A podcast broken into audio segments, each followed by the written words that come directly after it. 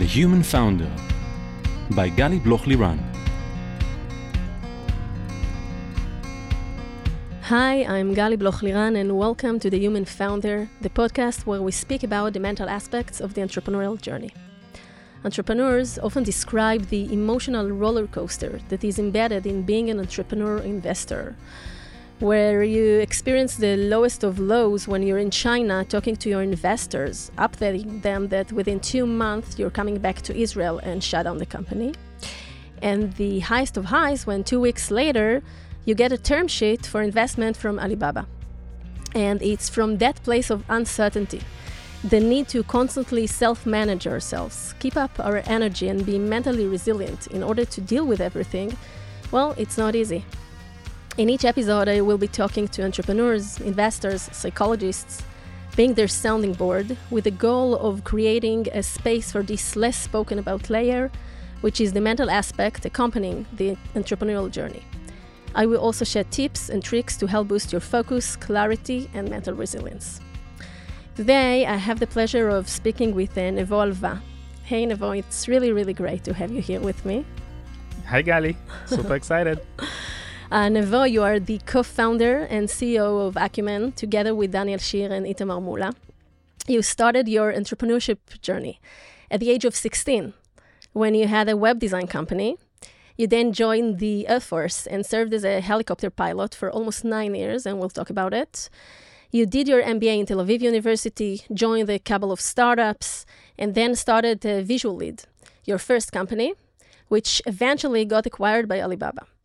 Today you live in Tel Aviv, married to Yael, and you have two gorgeous kids. And in your free time, you take your son Jonathan, it's a great name, by the way, uh, to drive your bikes in the fields. So we're going to have a lot, a lot of uh, to talk about, and we actually go way back together. You were my sister's commander in the Air Force 20 years ago. So hi, Mich, you have a dash from us.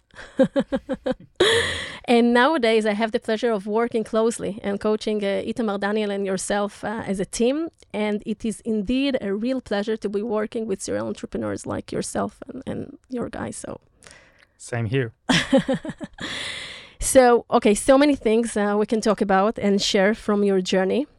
Let's uh, go to the beginning. You're a young boy deciding that you want to open your first startup. Probably no one speaks there those days about startups. Oh, Tell no. me how it all began. Yeah, and actually, I, I never decided that.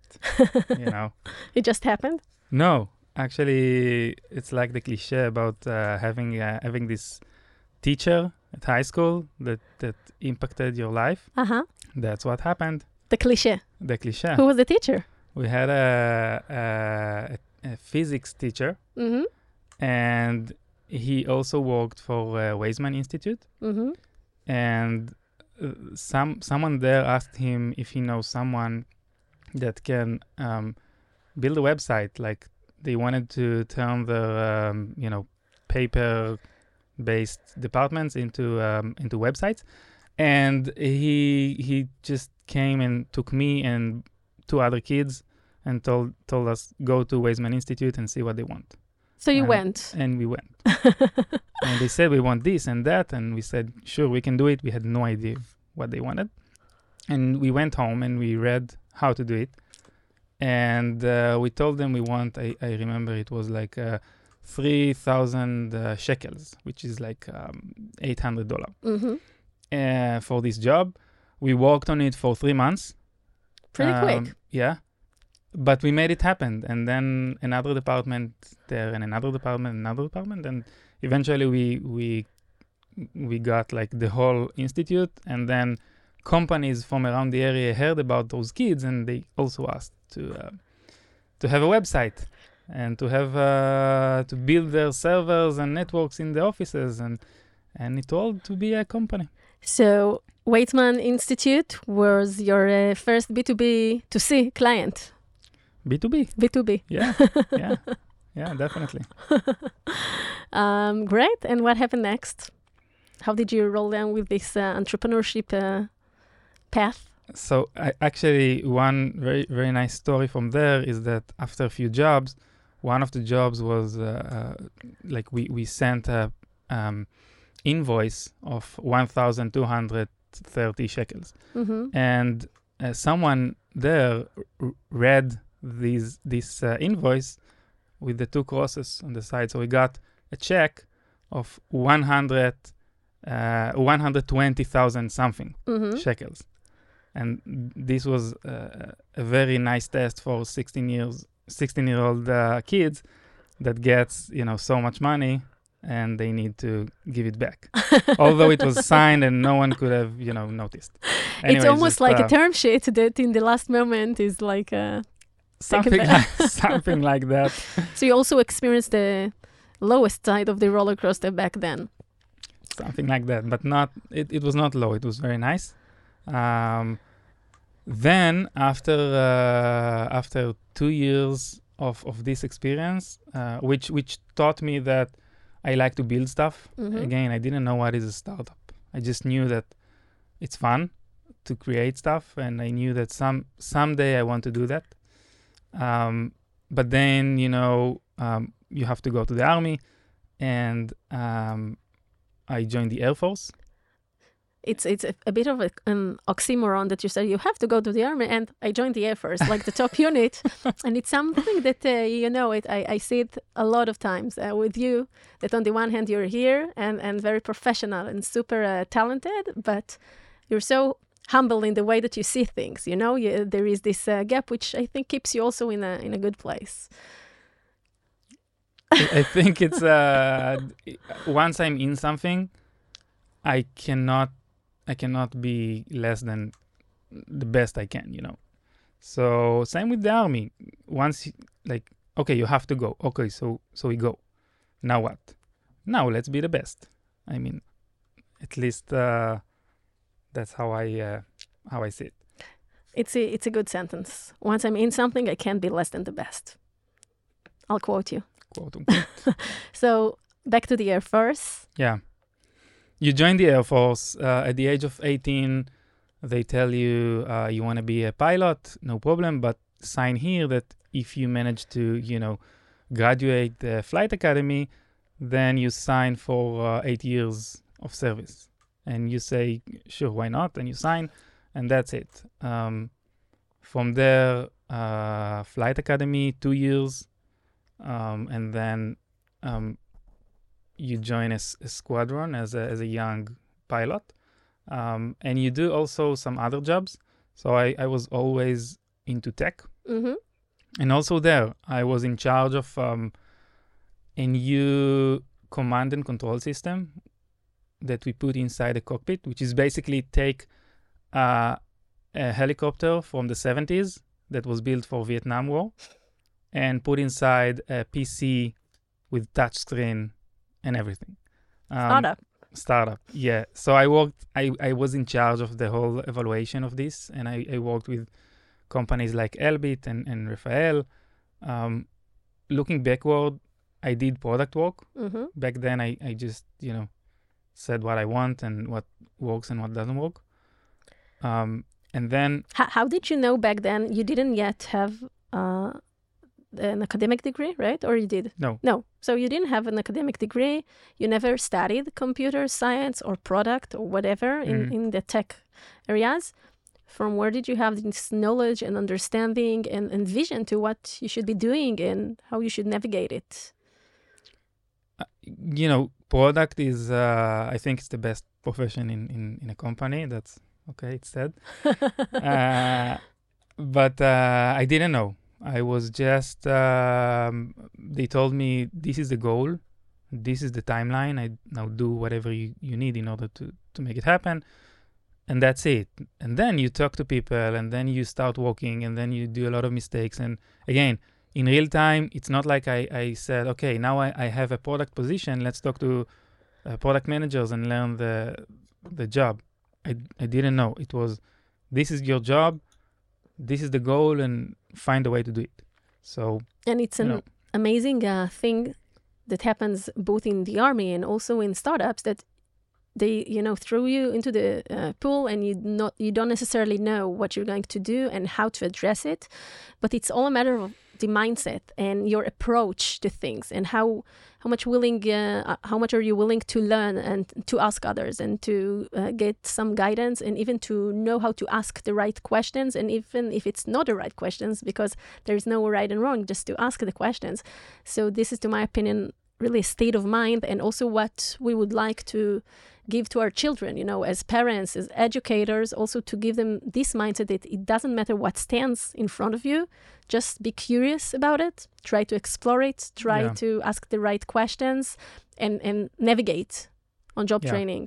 Yeah, you know, uh, it it's kind of going back to to the to the quote of uh, if you are into something, be the best. Um, I think, and I and I and I see it in entrepreneurship as well, of course. And and I th- I I think it's one of the main tips I Mhm. can I can give. Um, if you go into a new subject matter, like you don't know, like I had an adventure in the field of um, IVF, you know, in vitro fertilization. Mhm. And I had no idea about this field. But one thing I knew is that if I want to if I want to innovate in this field, I have to become um, an expert in a way. So you have to like at the first steps, you have to be humble, you have to learn, you have to read, you have to talk to people, but you have to have a goal that within a few months you become an authority in the field. So even if I don't know about something, I have to find a way to become an authority, and I have to find a way in, in my to, to my example of IVF, I have to find a way to sit in front of a professor with you know 40 years of experience and talk to him or her, and they should look at me and think, where did this guy learn medi- Mhm. medicine, Mhm. right? So yeah. And maybe uh, uh, to add to it, so when you're learning, studying something like uh, medicine or physics, uh, PhD in physics, or uh, even law or other uh, uh, uh, professions, so you have a path that you go through and you learn it. But once you're a, a, an entrepreneur in a field that you choose uh, uh, to address, whether it is if you have some uh, business experience or, or professional experience in it, uh, you didn't necessarily learn it in the same way as when you go to be a doctor. Uh, you learn it, so the time frame is much shorter and it is much more intensive in order to bridge that gap of knowledge and experience in order to really be uh, uh, perceived as an expert in that field. yeah, and it's psychology. Eventually, I, I'm no doctor. My wife is a doctor, and she's much you know uh, smarter than I am, uh, or she has uh, deep knowledge about all kind of medicine and disease and everything. Um, but and and and that's one thing I, I think about almost almost any subject out there, even the the most complicated one. Um, if I can talk to these people, understand their pains, understand the interactions, understand the challenges, understand the market, and let's go back to the IVF example Mhm. understand what patient thinks, what um, embryologists in the in the lab think, what doctors think, what different countries, you know, how does it look like in different countries, um, what uh, big uh, clinic chains, Mhm. what are the, their interests and stuff. Once I know all this and I know the process, Mhm. then again, it's it's uh, it's it's on a, it's on an up, upper level, but I have a very good understanding Mhm. of the field, and I can innovate Mhm. in the field. And and you said it's all psychology. Yeah. And I totally agree with you. And that's why I mean we can close this uh, podcast recording now. We can finish because you know this is the bottom line. It's all about the way we perceive things and our mental ability to deal with things and our psychological uh, way of thinking. And we just spoke about it before we begin this uh, record recording uh, about Yael, your wife. Uh, we can talk about it. That you said she's so talented and Yeah, ahead, you- sure. go ahead you, you tell the story because again it's psychological things it's it's uh, it's the way we uh, behave with the reality Yeah, share with us what happened she's uh, she manages uh, a clinic in northern Tel Aviv. Uh, sh- she's really good. She's like top five percent.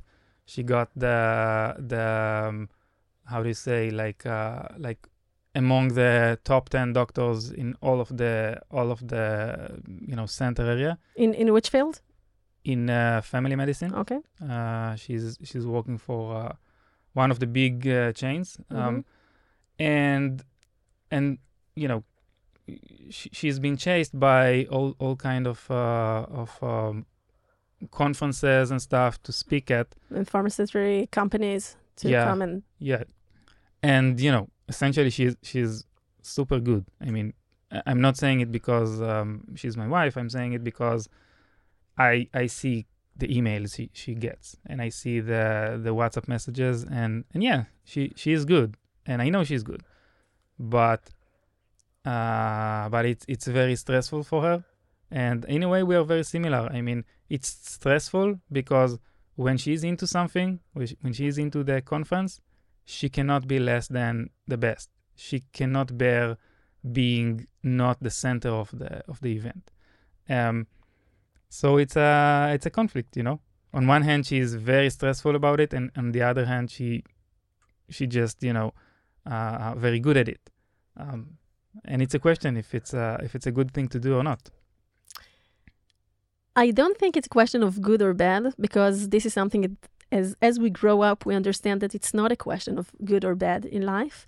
It's just a it's a complex situation and it holds also uh, uh, uh, more productive parts and some parts that also stops us from uh, uh, going forward. And the question is if it really stops us or it just you know a little bit more challenging for us. If it's just challenging but it doesn't stop us, then it's okay. If it stops us from doing things, then there is an issue there, but I wouldn't say it's right or wrong. Generally, talking about things in life, of course, if it's not a felony or something, you know, is right or wrong. But you know, you spoke about Yael so let's dive deeper a little bit about it, can we? Okay. Um, so you have a, a, a wife which is uh, a doctor, and you are a serial entrepreneur, and you'll share in a few minutes about your journey, and you have two children. And how do you manage it all together? Also, after having the exit already and living abroad for several years, and we'll get back there, and going and doing it again when you know all the prices and the trade offs and how it works and how complicated and difficult it is and you're doing it again and how do you manage this whole you know thing of having a, a healthy normal family life You say. or, or or not normal i don't know you'll share how do you hold it all together Um, so first, first of all, it's not rational. I mean, being entrepreneur in general is not rational. I think, uh, not in terms of um, compensation, not in terms of, of anything. If you if you take if you look at it in a rational way, you shouldn't be an entrepreneur. Um, so that's one thing. Second, I think um, I think Firgun is the key. Uh, Easy and for Inbal are talking about it. Easy Vidra and Inbal Arieli. So uh, eventually, it's it's about uh, you know the relationship and what you have at home, uh, and I think Firgun is a key word here. Uh, I think both of us as a couple, we have we have it by nature, um, and we understand each other. So in a way, the fact that we both have an in, a very intensive careers um, help helps us mm-hmm, to understand each other, mm-hmm. understand the pressure, understand when to let go, understand when to take, you know, ownership and responsibility about something, and and leave the other side to to manage To survive. Yeah, and it's not about you know talking too much or solving problems together. It's there, sure it's about giving giving the feeling that it's okay i'm here to to cover you in a way it's it's similar to partners in Co-founders. startups co-founders Mhm. yeah Mhm. and i think yeah i think yael is the perfect co-founder so i'm lucky really i i had To the first startup, to the family. uh, yeah i had i had uh, uh, previous relationships um in which no chance i, I could have been uh, entrepreneur because it was not the same relationship it was not the same firgun but it's not always easy and sometimes, I mean, you're describing it's complex, as we said, but what happens, you know, when it's um, at the edge of things, when the two of you are very, very busy, you have some uh, product launch, and she's now uh, has to go to a conference, or she has a very serious uh, uh, clinical uh, situation that she's in. So, how do you manage it in the extreme situations? It's exactly it's exactly that. If if uh, I see she's in an uh, extreme uh, situation, then I need to take over and I need to clean the way for her. Okay, uh, I, I encourage her, of course, but again, it's important. But the main thing is to understand what she feels and to understand that uh, I should clear the way for her. I should take off um, some of her worries, some of her duties, even, and and I think that's that's the thing. Of course, it's hard. You ask how how we deal with it, not not how we get depressed. also also to feel down a little bit from time to time. It's also part of the process. We're not al- always high. I, I really like the way you described it uh, to clear the way for each other and, and the ownership. And it goes exactly the same with co-founders. In startup that sometimes one division or the technology part is really really overwhelmed with things. Or sometimes when the ceo is uh, f- uh, going to uh, fundraising and he's so overwhelmed with all the investors uh, meetings and, and, and the pipeline and all the things that he needs to be prepared for or when someone is selling a company so he's very very uh, into it. And and the thing is really to to feel each other. Also when you get closer also from just looking to each other and understanding really have this deep layer of understanding each other and see that now i'm i'm swamped and i need you to take over some things and to really feel this accountability and ownership of things that i'm not alone and you are here to carry this um, heavy heavy heavy uh, duty with me Yeah. It's also on the emotional side, by the way, because if I if I see the other side depressed, for example, and I don't understand why why is it happening, or I cannot, um, you know, identify with the same feeling, so I I, I start thinking, is it me? Um, am I doing something wrong? Um, you know, she wants me she doesn't want me what's going on and you know but if you know it if you both in it and you, like you say you can you can identify exactly when it happens then not only not only you're not you know get affected by it Mhm. uh, yourself you can also help So, on that thing, I'll add that um, going back to co-founders relationship, which is very similar in that matter, is understanding that it's not personal. And if someone is behaving in a s- specific way because he's struggling with things at home or with things in his department, or you know the uh, the, the the version now is not good enough or not in the uh, right pace, etc. So, and he feels depressed about it, and it's okay. Sometimes we feel depressed. Um, the other one shouldn't take it as it's personal and it's towards him. It's just something that the other one feels, and it's okay to feel those things. And it's for, uh, for us as, as the co founders, as the partners in this situation, to allow him to feel that way a little bit and then to bounce back and to move on. And in the same time, to let him or her feel that we're there for them.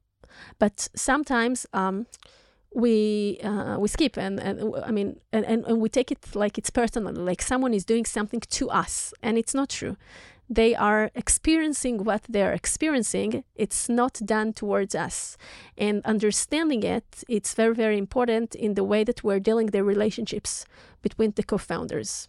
Because we cannot always know what happens at home to one of the founders and we cannot always know uh, uh, uh, what is uh, uh, his, his or her struggling with and knowing to uh, isolate it uh, from the relationship and just understand that they need us in this uh, certain uh, point really can help them to move forward. Yeah. Okay. i think one of the most important jobs Mm-hmm. of uh, co-founders and that's i think the main reason to take a co-founder otherwise Mm-hmm. you know i can do it alone um, is to lift each other Mm-hmm. and uh, it's not it shouldn't be someone that lift the other side uh, and that's it. it i mean every single person has uh, his or her downs and ups, right? So lifting each other is the most important thing in co-founder. We're here to lift. You have many good lift. quotes.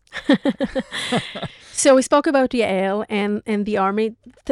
Mention a few things, uh, the, like the main things that you took from your uh, nine years of being a helicopter pilot Ooh. to your entrepreneurship uh, journey. Yeah, so after this uh, so-called product job, I was uh, an instructor in the flight academy. hmm Uh, one year as um, in the officer course, like it's not flight teaching, and then one year of uh, flight instructor. hmm Um, and then I was the deputy of the squadron commander. hmm I was in charge of all the operational side of, of the squadron. And I think, you know, I I I had I was I was lucky to to see all kind of, of uh, management roles. Um, and you know, both young motivated uh, kids that uh, that want to to become pilot and and you have to put them in a very stressful in very stressful situations both in flight but not only. Um, so having this kind of variety really helped me to uh, see the whole picture and and then you know my last job it was super stressful. Uh, and i had many uh, people around me and and under my command. And it taught me to like w- we again without choice it taught me to deal with uh, very stressful situations but still you know perform in the highest way. Um, and i think when you when you leave the air force you have very good soft skills. Um, you have like I, I know how to manage people. I know how to look from in a way how to feel people like to look from the other person's eyes and understand what he or she feels. I remember that you mentioned in one of our conversations that this is one of your biggest strengths. yeah um and and so that that's the soft skills is what i is the main thing i think i i, I took from for my service uh and then the, the other one like like understand understanding how a company works what is um product and sales and marketing i had no idea. I had to learn it. Okay, you cannot get everything from you know the Air Force, right? Right. uh, going forward, and you're starting um, Visualead, and um, tell us a little bit about the journey there and the move to China, and what happens. Um, right. So I can talk about it for hours. So I, I'll try to be brief. Um, The highlights. yeah. So we, I, ha- I had two choices: either to join a company and, um, you know, learn from the inside how a startup works. Uh, I I tried to do it for a couple of years, and I kind of um, lost my patience. Uh, and I said, okay, let's jump into into the pool, like you said. Only it was not a pool; it was it was a sea, very salty. Ocean, It was an ocean. Yeah, very deep and salty. yeah. Uh, so we started. Uh, we had no idea what we were doing. We did any possible mistake. Um, we had a, a belief that um, th- it was 2011 and mobile was on the rise, and we wanted to connect offline and online in a more um, engaging and and um, um, effective way. Uh, so we started to build all kind of uh, technologies, which is one of our mistakes, around uh, connecting online and offline through scanning of um, images, uh, QR codes, and and everything in between. Uh, the first thing we built was a, a SaaS product for small businesses.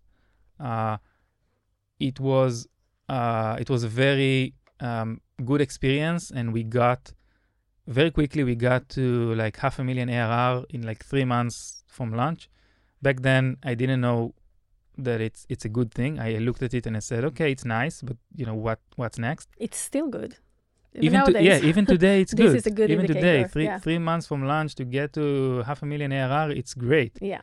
Um, but then again, you don't you don't know it. No one tells you it's how how good or not good it is. Uh, and and And this is one of the things in entrepreneurship that no one gives you grades along the way. You Yeah. don't always know unless you're going to uh, uh, investors asking for money, then you get it in the face. yeah, but yeah. during this path, you don't know. There isn't anyone sits on your shoulder. Great, Nevo, not good. Go ahead, continue this way or change it. Yeah, and you can you can very easily get uh, get im- impacted by uh, by feedback of investors, which is another thing I didn't know back then. So Mhm. I, I remember I had a, a meeting with one of the leading VCs in Israel, and the, they told me half a million ARR. Are you Wix? I mean, look at Wix. They they are doing it right. You you worth nothing. It's like uh, it's like nothing, and it they really you know sent us down in a way. Uh, So, you needed your co-founders to lift you up.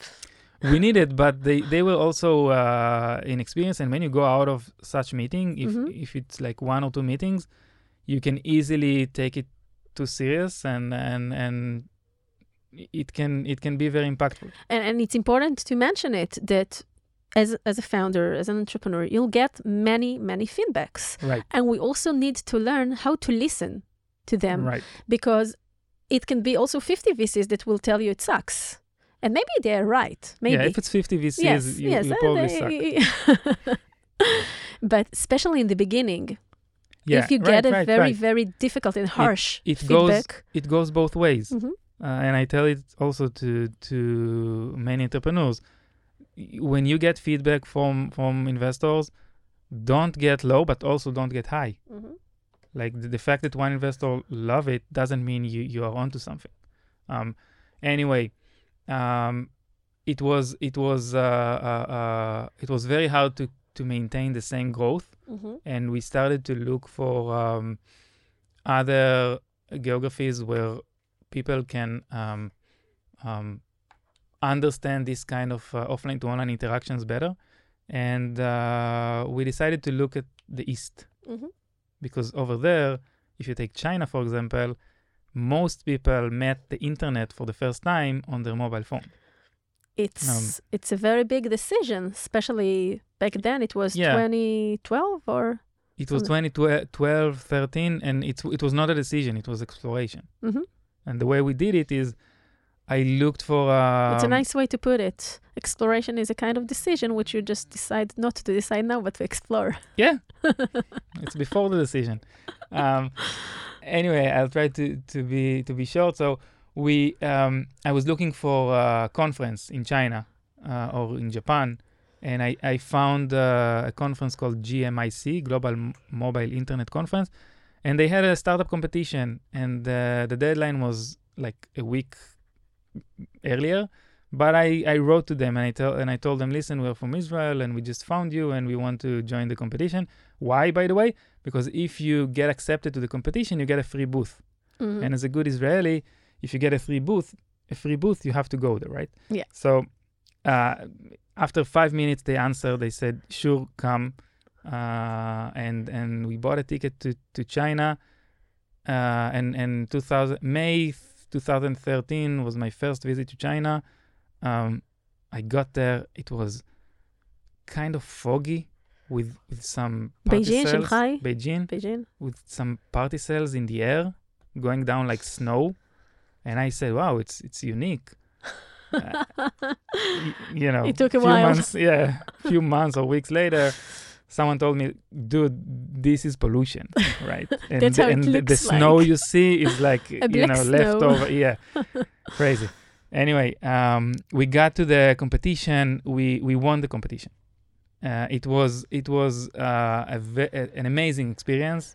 Speaking about highs, um, it was also very easy to get noticed because I was the only Western guy on on stage, um, and suddenly we got so much attention, and we said, okay, something something here is different. Mhm. We we can we are not uh, getting lost in a sea of startups and new technologies and and we don't need to explain ourselves to anyone because people understand us quickly here. There is an opportunity. Yeah, there's a big opportunity, but I didn't know China, and we tried to. Um, we also got.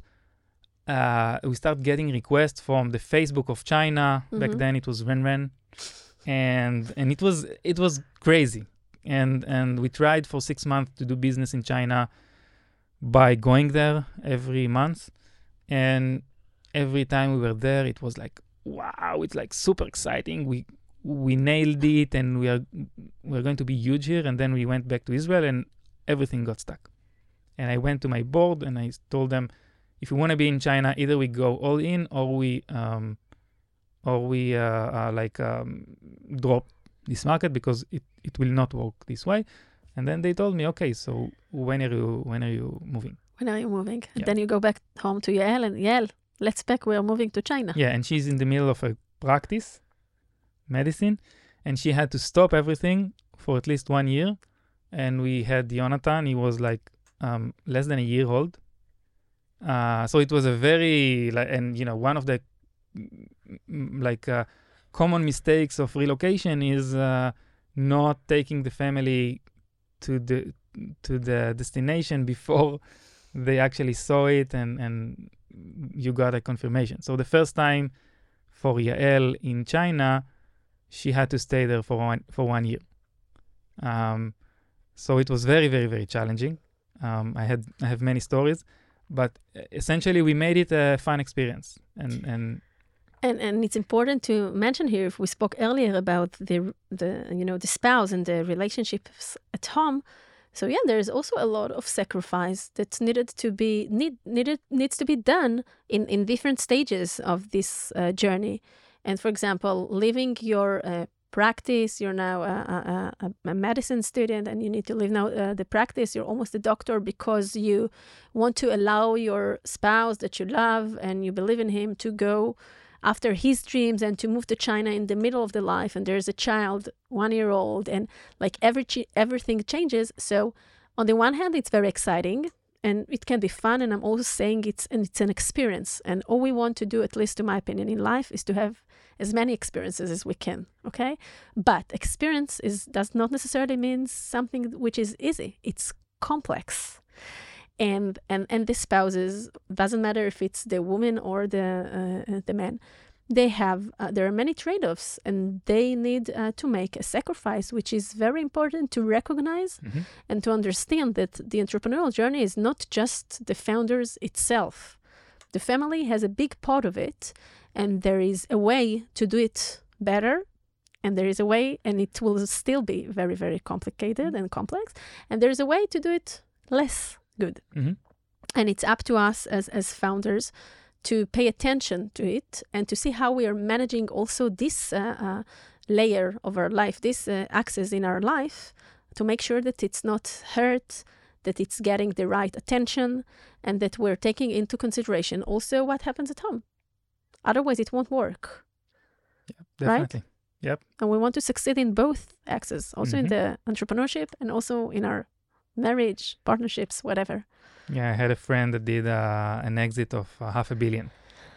only Yeah, and he told me the story over a beer, and uh, eventually he told me, you know, I had two goals in life. One is to take this company to hundreds of millions, and uh, second is to have a healthy, you know, family. And I failed on the family side. He got divorced and everything. So it it got me in, a, you know, okay, he's right. You have to look at it and, and find the balance. Because if if you if you lose your family, then why? You lose the why. Anyway. It's another good quote Nevo. you have so many good quotes today wow Yay, Yay. if you lose your family you lose the why Yeah. okay so you're moving to china Yeah, we're, we're moving to China. It was uh, like starting a new startup in China. Only now you don't know the language, you have no connections, no network, you don't know the culture, which is even more important than the language. But you have to learn, like we said before, right? You have to constantly and continuously learn. And that's what I did. Like the first thing I, I, I did was to take a student uh, a Chinese student that she, she knew English and kind of English, and she helped me find apartment, find office, uh, open bank account, uh, find the first employee. It was funny. I took a student with zero experience, and she was with me interviewing because she could read hmm those people much better than I could. And it's another beautiful example that we don't always have to be guided by uh, titles. It's all a matter of what's inside and how much uh, uh, growth mindset those people have, and how how resourceful they are, Mhm. and how much people in various kind of positions are willing to to commit and to to to really open, uh, bring themselves as much as they can and it can also be a student. It, Yep. it- it doesn't matter. As long as you feel that they're really their heart and mind and soul are really with you. definitely definitely. And there was no no book and no no one that that actually did the exact thing before. Uh, so it was uh, pure learning. And uh, many ups and downs mainly downs. Uh, I, I learned it the hard way. And um, eventually The co-founders stayed in Israel and only you moved. one of them one of them Moved. moved with me okay. also with a uh, family? he had no kids, but uh, he moved he moved with his uh, spouse. Um, i- it made things easier for sure, uh, but uh, but yeah, it was it was uh, super challenging and and China is hard. Okay, we we don't. It's a different podcast, but China is is hard, objectively hard. Like you know, Google and Uber and most companies that tried tried China, they failed. Um, so it was very hard for us to to win in China. Eventually, we managed, and and again, uh, so many stories, but eventually we managed to get Alibaba as a as a strategic partner. And and as you started with, it was right after the the lowest low, uh, where we you know ran out of money and and even money we could have got was Chinese money, which we cannot do, we cannot take out of China, and it was, it was like really low. Uh, then we got Alibaba as strategic investor. Fast forward, uh, they acquired the company. Um, not that things got easier after they invested in the company. Uh, also, there we made uh, tons of uh, mistakes, but um, but eventually we, we, we managed to to get to uh, to a nice uh, deal with them and, and then they uh, opened the research development center here in Israel based on on Visualead. I think the results are, are quite good because it grew like 10 times and they worked on very exciting um, products like our our team from from Visualead. Um, and that's it. That's You you led activity in here? I no, I it, it's another story. Uh, I came with a plan of what we are going to do in uh, in Israel. By the way, the China business Mm-hmm. they didn't care about the, the business in China. They mainly wanted to to get get some some of Israel. Uh, so I had to sell the Chinese business to another company. Um, so I, I came with a plan to Alibaba of what are we going to do in Israel in the coming four years. That's the time I should have stayed there. And they told me, but wait, you still, we don't have the, the guy you should present to because the the guy who's in charge of Israel is still not appointed. Um, so I said, okay, so I'm gonna do what? I mean, I'm gonna wait for this guy to to get here. I don't want. It's it's gonna take time. I I worked with you for three years. I know how things work here. And they told me, so what do you want to do? I told them, let me help you for a few months to get settled, and uh, and then you know, send me away. I want to to start my next company, and uh, we changed the contract on the last minute, and that's the way it uh, it happened. So my previous co-founder stayed there for four years. Additional four years. Yeah. You're a pilot. You're a helicopter pilot, so it will take you up to thirty thousand uh, feet. How much? Oh How no, many? No. helicopter can't Is can't get there. so how? how Not the mu- Israeli one. uh, Okay, so how many? Like twenty? Ten thousand. 10,000. Yeah. So if if we look at this journey that you just described, I think there's a lot um, to learn from it, because now you tell it as a story. It Mm-hmm. has a beginning, in the middle, then the end, right? And and you know the end it was actually a good end, and it all began in this you know decision of applying to a competition that you saw one week ahead and you had to be assertive and tell them, uh, you know, I'm an Israeli, let's bring the startup, yada, yada. You had no idea where it will lead you. And I think this is one of the things that you have no idea which one of the various efforts that you'll invest in various uh, aspects of the startup will be the winner one. And you don't know necessarily, it's not that you don't know necessarily, you don't know all the sequences and, and the waves that later on one thing will lead to another. And this competition led to winning it, and that led to starting do business together, and that led to moving uh, to China, and at the end also to be acquired by them. And and I think that keeping this open mind and th- seeing everything as opportunities, it's not easy task, but the ability to see everything as an opportunity. It's like I'm looking at you and, and you see it, let's say it in the picture. You have many holes behind you, okay, to, to, to hang things on it. You can have a look. So it's like each one of these holes is an opportunity. It, it's a tunnel that you don't know where it's going to take you out and, and how the things will be connected at the end. And part of being a founder and being an entrepreneur is have this, you know, this uh, uh, vision and ability to see things that are not yet discovered and to really believe in them and to have this very inner strong belief that things will be okay. They're not necessarily are. There are usually many, many struggles during the way, but it will lead to somewhere. And and then at the end you have a story of an exit and it's really, really nice, but you didn't know it back then that it will lead that day that way. Yeah. Actually, I think that uh, people talk about luck. Uh, Mhm. So I, I agree. It's it's there's a lot of uh, luck in in what's going on. Um, I can say that most of the opportunities came from um, opening doors and not necessarily from meet, meetings or or things you thought are going to lead you to, um, you know, your goal. Like like uh, the, I, I I tried to meet Alibaba for five or six times. I Mhm. actually met Mm-hmm. many departments there, and all those meetings failed. Mm-hmm. And then uh, accidental like like an accidental meeting with someone from Alimama, which is a subsidiary of Alibaba. They are in charge of all the I like ad it. network. Uh, I met the guy just because I was in Shanghai at the same time. Mm-hmm. And he told me, listen, what you do is not relevant for me, but I have a friend inside Alibaba. I know he's working on say, on something similar. Talk to him. And then I talked to this guy, and one thing led to another, and, and this was my door in.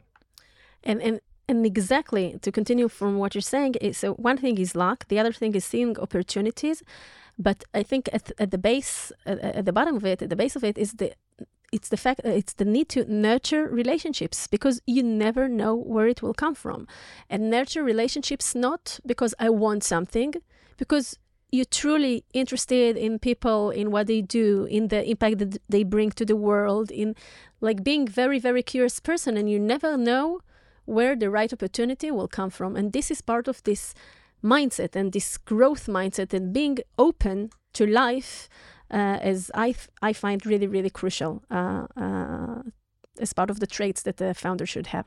So you're making the deal with Alibaba, you're making nice money, you're coming back to Israel, and how do you find the strength, the power, the the will to do it all over again? First of all, the, f- the first thing I did was to uh, fly to Costa Rica with my son. So that's the you know three weeks there, uh, and that's the first the first thing. And then uh, I I said okay, um, you know, where's my passion, what I want to do. Uh, I learn when you when you are in this journey, you learn so many so many things that you say okay, I have to use those things that I learned somewhere later. Um, and yeah, Let's you do it take again. uh, yeah, you take another uh, irrational decision and uh, you jump you jump in again. Another irrational, but with some rational in it, because it's it's fine tuned to who you are. You understand that you cannot be anyone else, so it will be irrational to try to do someone something which is not correlated with who you are, right? Yeah. So it's pretty rational within this irrational. Yeah. Whatever whatever makes you feel right. So how how much time after leaving a, a, a Visualead in Alibaba you actually began with the Acumen?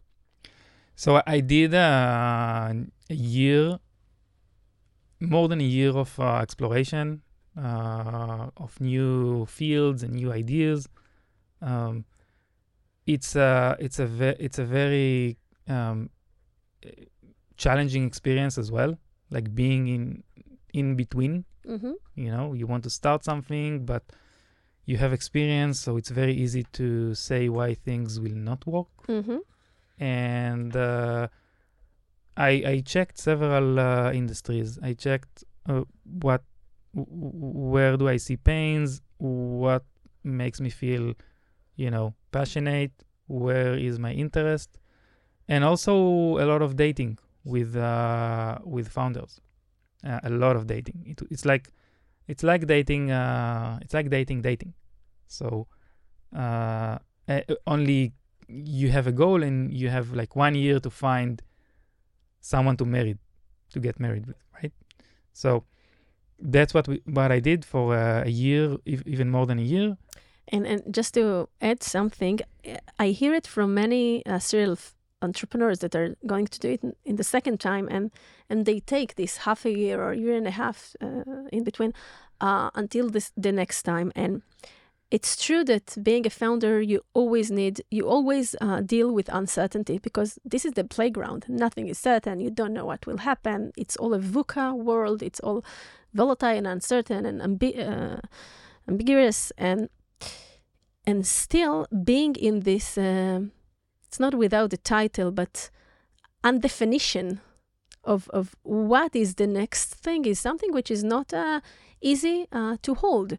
Because you used to be the CEO and the co-founder of uh, company A and you don't and it succeeded or it didn't succeed it depends. And even if it succeeded in your case then still all of a sudden I'm with nothing. I mean okay I did it. Nice. Money is in the bank I have the recognition that's nice but it's it ended so now I feel some kind of emptiness Yep. again and I need to feel this emptiness and in, in it's like you can say it's um I'm not sure what i- what is the right phrase in English. Uh, צרות של עשירים. Like it's it's easier for those who it's easier for them. Yeah, but uh, um, but still it's not easy because as a founder you have this strong passion to do things, uh, to create an impact, and all of Mhm. a sudden you're not sure what is the thing going to be. yeah i mean it's this emptiness is, is something that uh, you want to feel by the way it's it's also a risk because some people get to a point they said okay i'm i'm i'm going after this idea because i'm tired of the emptiness hmm and not because it's a good idea And it's not the right motivation to do things. Yeah. yeah so Mhm. it's also a risk Mhm.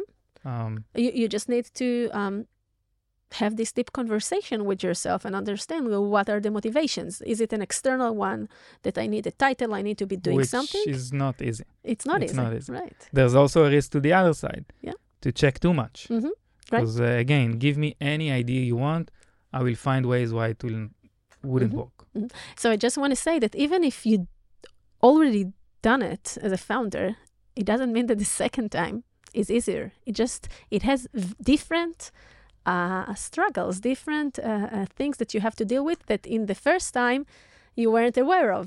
You didn't Yeah. know what you didn't know. But now there, are, you know that there are many other things that you don't know, you and don't you know to yeah deal with. and also the the expectations of the of your environment are higher and that's another challenge because eventually everything is uh, is relative right so when the expectations around you are higher uh, it's it means more pressure on you. Mhm. um because like it's like you do it for the second time. You're not allowed quote to to to fail. And it adds pressure. Definitely. Did you feel this pressure? Definitely. From from whom Uh, uh, it's mainly? not it's not rational and it's not uh, something that I can actually say "Eh, this person thinks this way.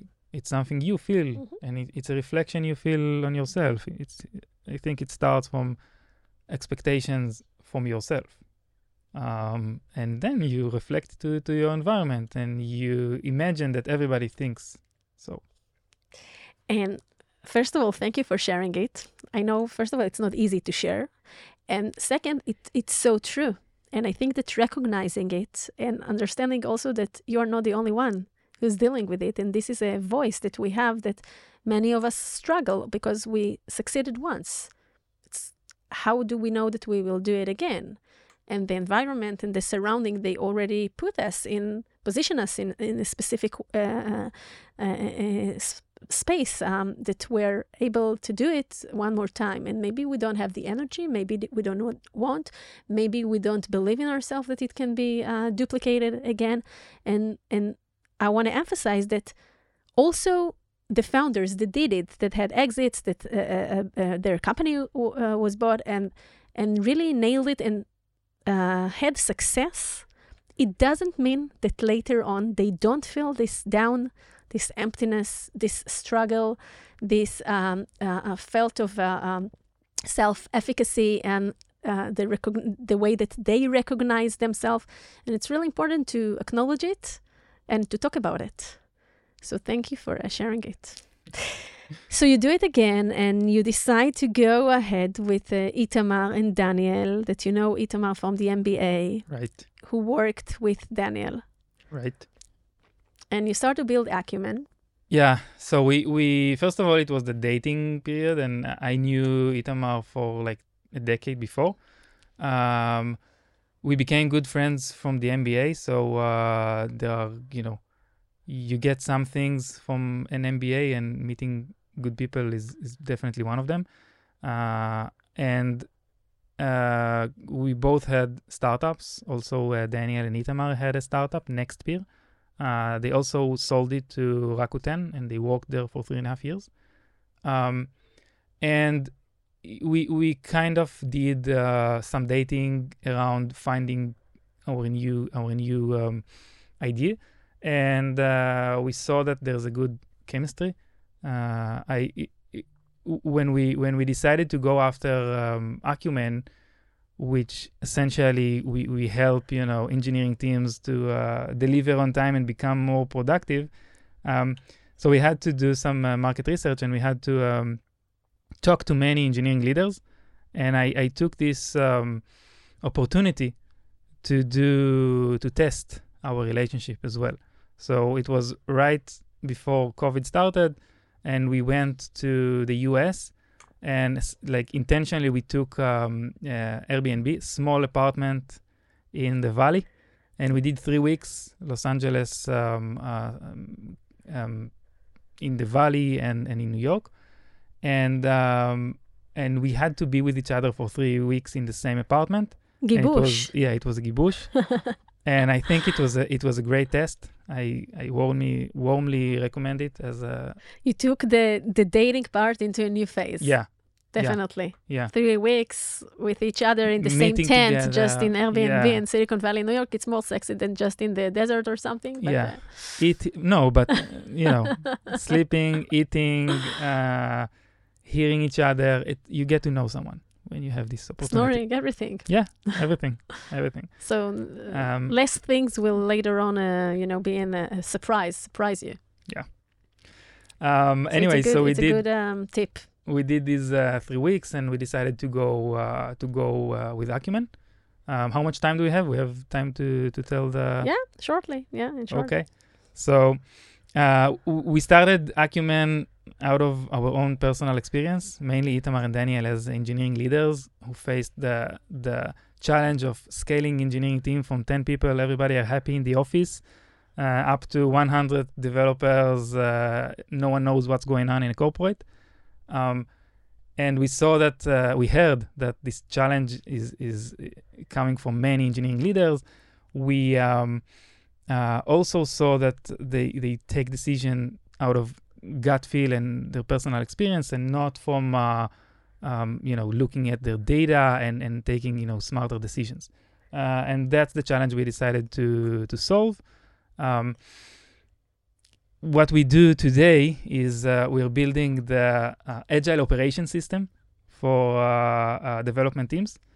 Um, we take the data out of the existing systems of the dev team, like Jira, GitHub, Slack, all kind of systems. We digest it, we analyze it, and then we use it to help those development teams um, make better decisions, um, continuously improve, and also facilitate their Scrum process uh, eventually. It's like an external brain Something for the that. developers, Something like that. for the engineers, yeah. to help them process in a better, faster, uh, smarter way. Yeah, and also here, you know, we started from one angle of uh, working with VPs and directors of, of mhm. engineering, and uh, like uh, like, all every startups. yeah every good startup, we we understood that if we really want to be a big company and make a real impact in this industry, we have to go bottom up. hmm So we changed our go our bottom up our sorry our go to market Mhm. strategy